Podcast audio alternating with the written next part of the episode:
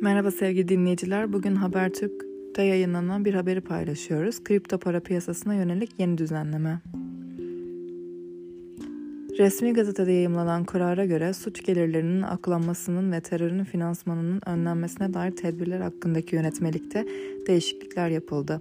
Buna göre kanun uygulanmasında yükümlü kuruluşlar arasında kripto hizmet sağlayıcıları ve tasarruf finansman şirketleri eklendi suç gelirlerinin aklanmasının ve terörün finansmanının önlenmesine dair tedbirler hakkında yönetmelikte değişiklik yapılmasına dair yönetmelik resmi gazetede yayımlandı.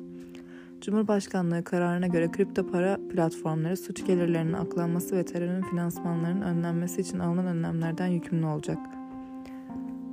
Yönetmelik şu gelirlerin aklanmasının, suç gelirlerinin aklanmasının ve terörün finansmanının önlenmesi amacıyla yükümlüler, yükümlülükler yükümlülüklere uyumun denetimi, gümrük idaresine açıklama yapılması ve diğer tedbirlere ilişkin usul ve esasları düzenliyor.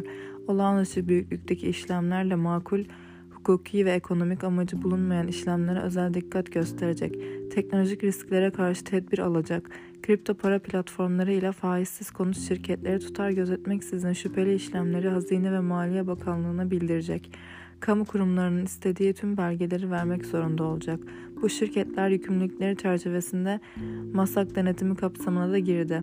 Kripto para platformları ile faizsiz konut şirketlere suç gelirlerinin aklanması ve terörün finansmanındaki önlenmesi açısından bankalar, sigorta şirketleri, varlık yönetim şirketleri, Milli Piyango İdaresi, spor kulüpleri ve noterleriyle aynı yükümlülükler altına girdi.